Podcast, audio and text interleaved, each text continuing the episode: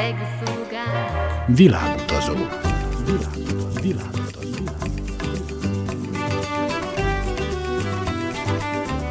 Barangoljon varázslatos tájokon az Újvidéki Rádióval. Kedves hallgatóink, Önök a Világutazó 171. műsorát hallgatják, a mikrofonnál Trifkovics Rita, a zenei szerkesztő Szikora Csaba. A mai műsorban folytatjuk a szabadkai Káics Katalin Finnországról és Lapföldről szóló élménybeszámolóját. Maradjanak velünk! Egy finn népdal után az északi sarkörről hallhatnak érdekességeket.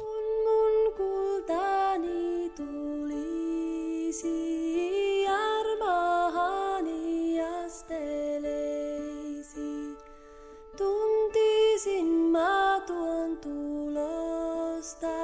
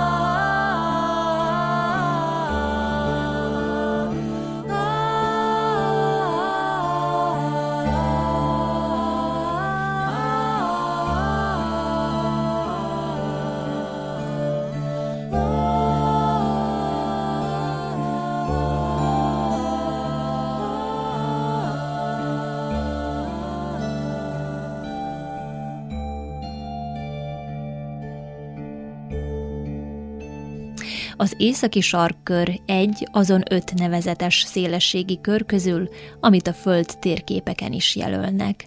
Az északi sarkkörön belül mindenhol előfordul a nyári napforduló során egy legalább 24 órás nappal, a téli napforduló során egy legalább 24 órás éjszaka. Ez az időtartam észak felé haladva nő, míg nem az északi sarkon nyáron 6 hónap nappal, télen 6 hónap éjszaka van. Az északi sarkkör többek között Finnországon is áthalad, az ország területének egy negyede az északi sarkkörtől északra fekszik. Itt figyelhető meg az éjféli nap jelensége, annál tovább tart, minél északabbra megyünk. Finnország legészaki pontján a nap 73 napig süt nyáron egyfolytában, telente 51 napig nem kell fel. A szabadkai Káics Katalin nyáron a hosszú nappalok idején utazott Finnországba. Mikulás falva pontosan az északi sarkör van. Most mit jelent ez? Ez azt jelenti, hogy az északi sarkkör ott kezdődik, ahol legalább egy napig nem jön fel a nap, illetve nem megy le a nap és aztán ahogy haladunk észak felé, ugye Nordkap, illetve majd a Jeges-tenger felé, ezek az, az idő intervallumok ugye egyre növekednek, úgyhogy mi most egy olyan időben érkeztünk a lapföldre, amikor Hát az éjszaka én nem is tudnám megmondani, hogy mikor volt az a rövid idő, amikor sötét volt, mert éjfélkor, egy órakor még ugye e, e, világosság volt, úgyhogy ha aludni akartuk, akkor általában lehúztuk a redőnyöket, és akkor úgy, de néha olyan fáradtak voltunk, mert hiszen óriási kilométereket tettük meg, mert mint mondottam volt, ez egy hatalmas nagy térség, hol tajgákon voltunk, hol a tundrákon voltunk, hol olyan részében voltunk, ahol a hegyekről lezuhanó gletszerek kifényesítették a hegyet, és semmilyen növény ugye nem található a hegy oldalába, tehát azt hiszem, hogy ilyen 2800 kilométert tettünk meg a mikrobusszal, hogy bejárjuk mindazokat a helyeket, amelyek a, úgymond a programban, programban voltak.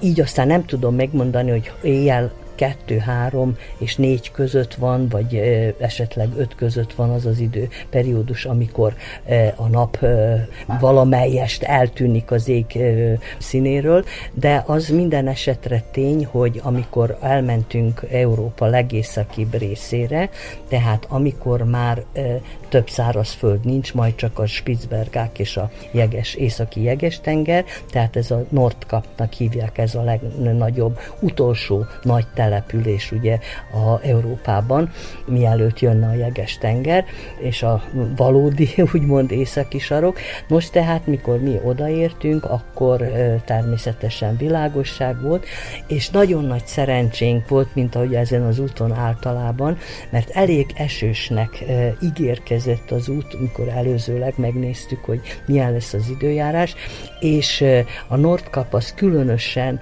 azt jelezték előre, hogy hát sajnos esőbe fogunk odaérkezni, és mit áld Isten, nem volt eső felhős valamennyire volt, de eső egyáltalán nem volt, úgyhogy végig kísérhettük a napnak a lebukását, úgymond a jeges tengerbe, és fölvételeket, és nagyon szép fölvételeket lehetett készíteni.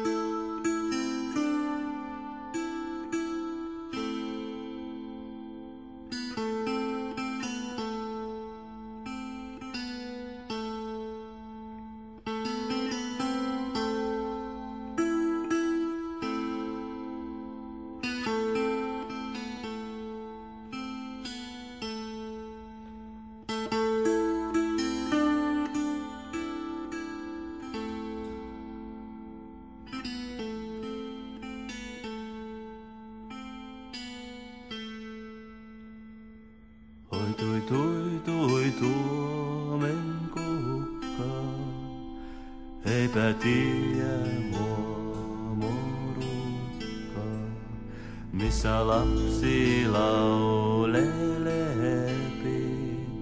eli ästi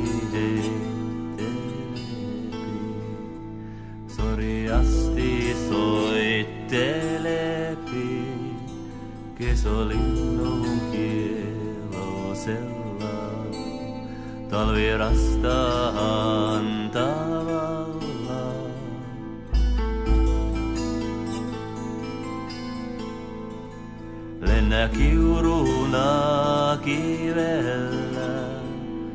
saaroni olla. Voimiunet on enemani sekä mainema moseni. Tee minulle parempi paita, lyhyempi liinavitta, jotte kastuu kasteessa, jotte kastuu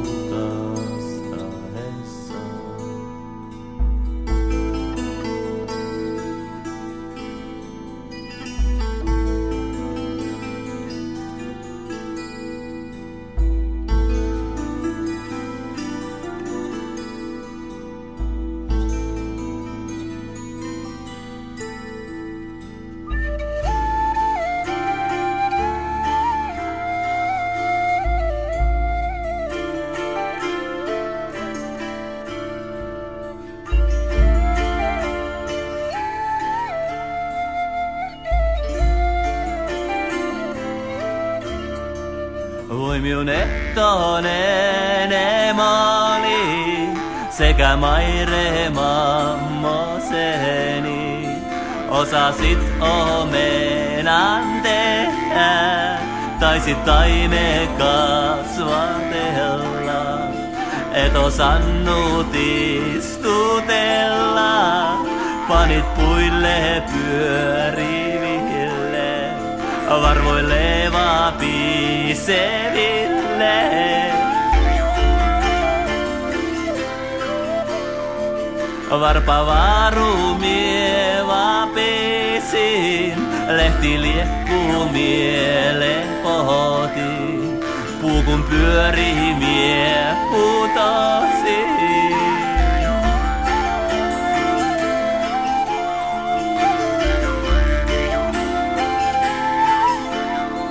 Hämäni suolle sotkemaan pellolle Σερτάμα, που το σορμος σορμείς τανι, ζαραπέρα πέρα.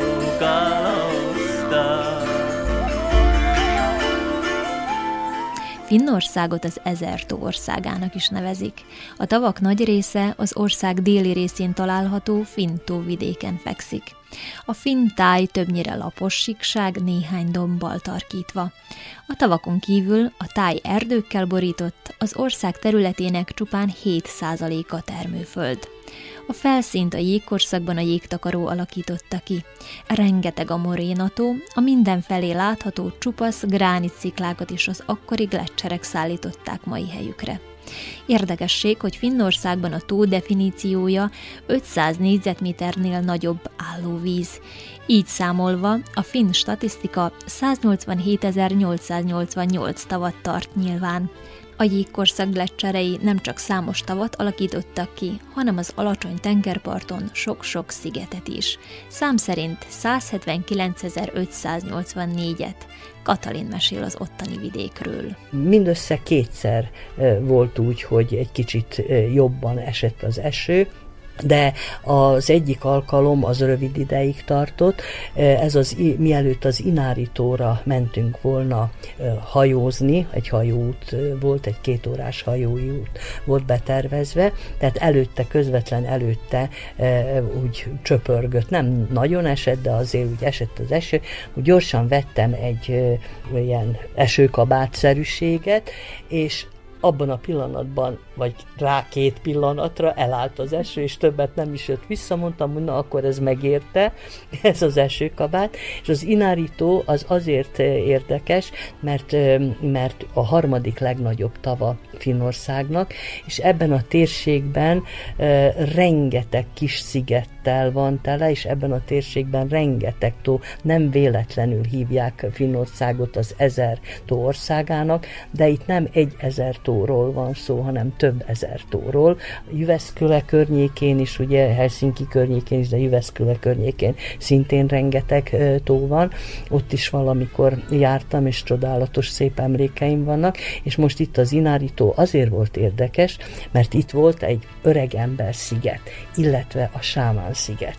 És a lapoknak, ugye mielőtt fölvették volna a kereszténységet, akkor ugye ők is a sámán hit és a sámánizmusnak a vallási gyakorlatát úgymond élvezhették, vagy azt gyakorolták, és a kereszténység fölvétele után elég későn történt ugye a lapoknál, úgyhogy ez a ez Öregisten szigete, ez a Sámán sziget volt, és sokáig hát ugye aktívan működött a sziget, mint hogy a közelében volt egy másik sziget, ahova nagyon sokáig oda temetkeztek ugye ennek a térségnek a lakói is valahol a 20. század köze, közepéig. Na most mi, mire a tóra érkeztünk, hála Istennek addigra kiderült, úgyhogy gyönyörű képeket lehetett csinálni, és hát nagyon érdekes növényekkel ismerkedhettünk meg itt ezen a szigeten. Többek között volt egy sötét színű bogyó, és az útvezetőnk figyelmeztetett, hogy vigyázzunk, nem mérgezett, de viszont hashajtó hatása van, úgyhogy vigyázzunk, hogy ugye többet együnk a kelleténél belőle, mert akkor abból esetleg problémáink adódhatnak.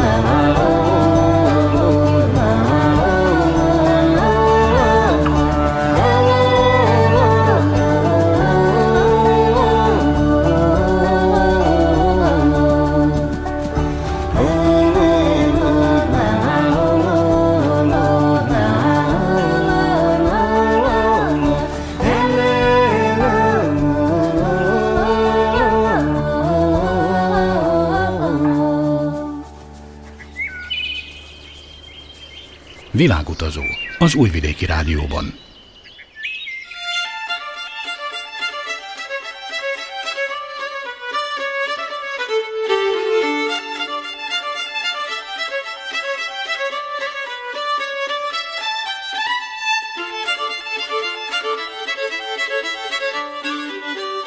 Finnország az egyik legkiegyensúlyozottabb és legszabadabb ország a világon.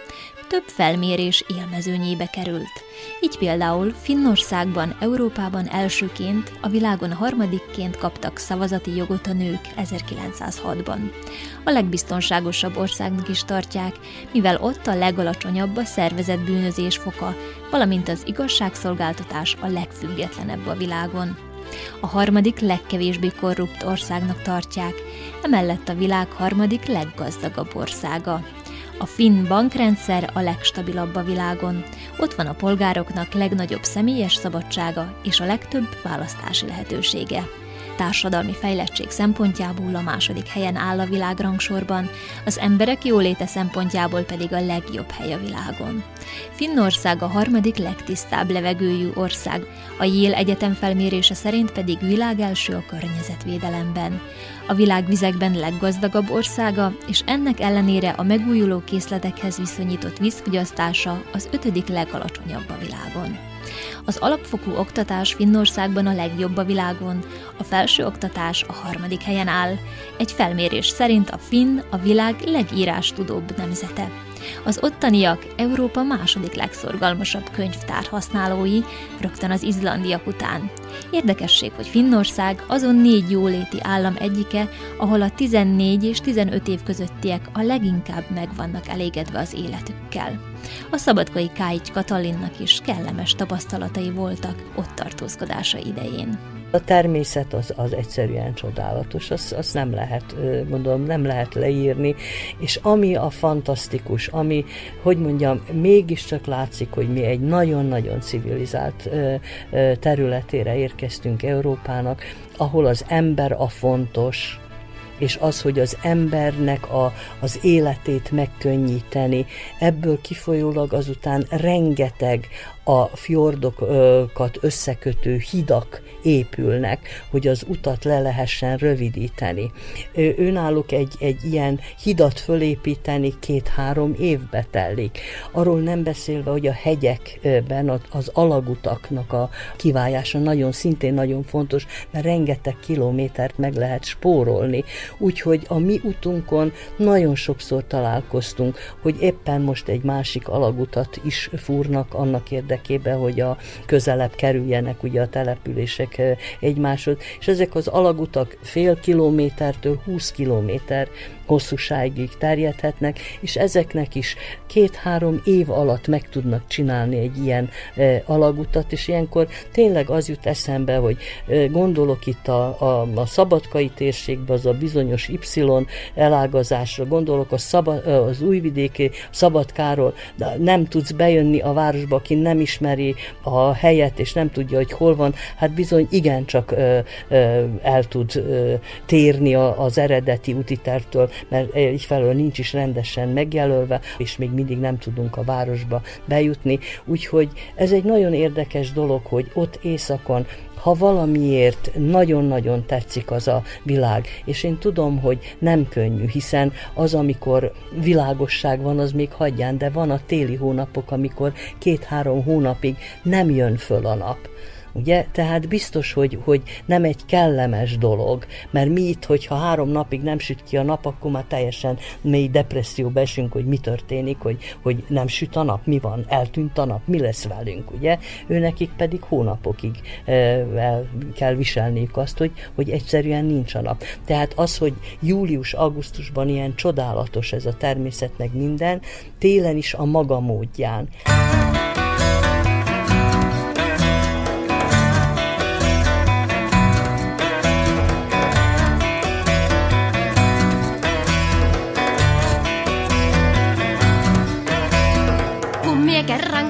Saisin, saisin sitten nuoren miehen, saisin sulhasen sorian miehen tumman ja komian.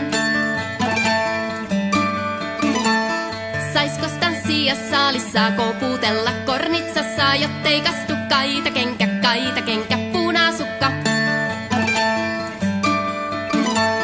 Monen miehen mieli vieri ja sulhasen suu murahti tämän tytön tanssiessaan, ei on näätin nauraessa. Oi kaalinna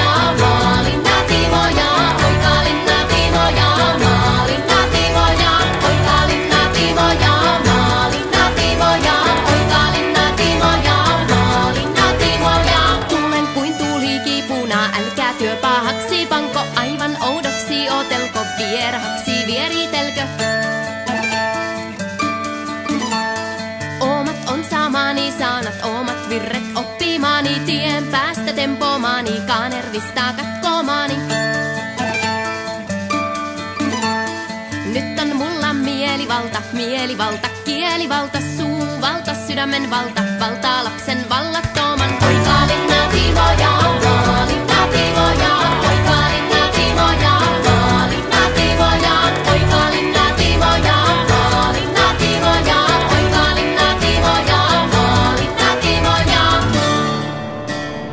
Világutazó az Újvidéki Rádióban.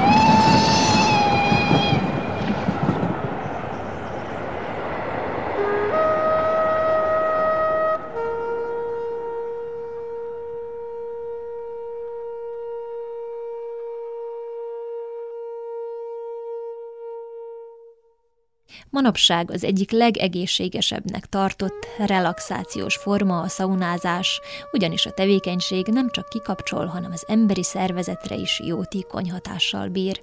E téren a legelterjedtebb és legismertebb a finn sauna, aminek szülőhazájában nagy hagyománya van, így Finnországban nagyon sok háztartásban található ilyen alkalmatosság.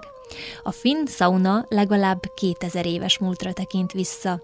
Ám érdekesség, hogy valójában nem a finnekhez köthető ez a találmány, hanem közép-amerikai indiánokhoz, akik gyógyítás céljából kezdték használni a szaunát. A finn sportolók sikerük zálogaként tartották számon a szaunázást, így a 20. században orvosok kezdték el vizsgálni, hogy milyen jótékony hatásokat fejt ki a szaunázás. Funkciójukat tekintve a finn szaunák helyiségei korábban számos feladatot elláttak, például mosókonyhaként is használták, de vallási szertartások számára is helyszínt biztosítottak. A sauna a melegnek és a füstnek köszönhetően az épület leghigiénikusabb része volt, és nagyban hozzájárult az ott élők egészségéhez, ahogy teszi ezt a mai napig.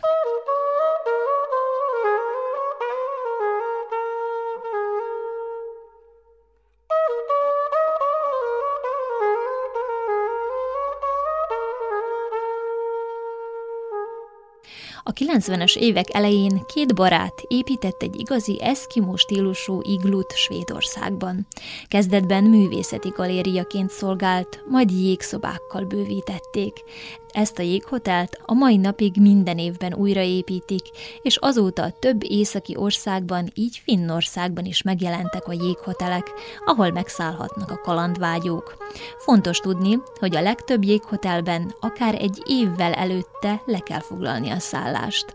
A szabadkai Káics Katalin mesél finnországi utazásáról. Az történik, hogy mit a telet a mi szempontunkból viszonyulunk a télhöz. Nálunk, ha leesik 5 centi hó, akkor megáll az élet, ugye? Ott nem áll meg az élet, sőt, vannak olyan térségei ennek a lapföldnek is, meg egyáltalán ezeknek a skandináv államoknak, ahol télen van az igazi élet. Például a Svédországban van egy Torna nevű tó arról most nem beszélek, hogy az a tó százszázalékosan tiszta vize van, inni lehet. Télen itt hatalmas nagy jég keletkezik, egy méter, egy méteren túl is két méter vastagságú jég, és itt ebben a térségben van az a híres jéghotel, amit körülbelül 20 évvel ezelőtt állítottak föl először, ennek a Torna folyónak a jegét vágták és csinálták, és úgy jöttek rá, hogy ennek a, ebből a jégből a művészek jégszobrokat csináltak, és akkor kiállítás volt meg minden, ugye sok ember előfordult, úgyhogy akkor ez egy érdekes téli szórakozás volt, hogy a jégszobrokat megkinteni, akkor a haszki fogatokon, vagy a, a rénszarvas fogatokon ugye utazni, beutazni a térséget, a sielésről, meg a többiről már nem is beszélve. Tehát itt egy igen nagy élet folyik, úgymond, és például ebben a részben, ahol ezt a jég ö, hotelt szokták fölépíteni, körülbelül száz férőhelyjel, és minden jégből van, tehát a poharaktól kezdve a báron keresztül, meg stb. minden.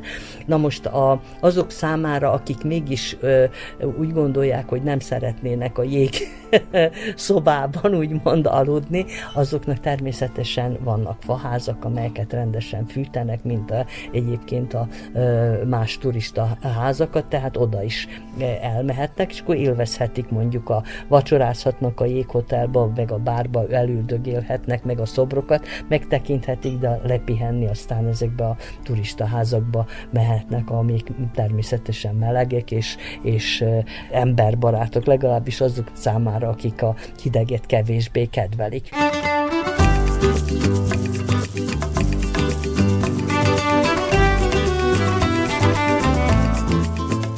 Kedves hallgatóink, ez volt a Világutazó 171. műsora. Tartsanak velünk a jövő vasárnap is, amikor befejezzük a Szabadkai Káics Katalin Finnországról szóló élménybeszámolóját. Műsorainkat a www.rtv.rs.hu honlapon a hangtárban is meghallgathatják. Szikora Csaba zenei szerkesztő nevében Trifkovics Rita kíván önöknek sok szép utat és kellemes rádiózást.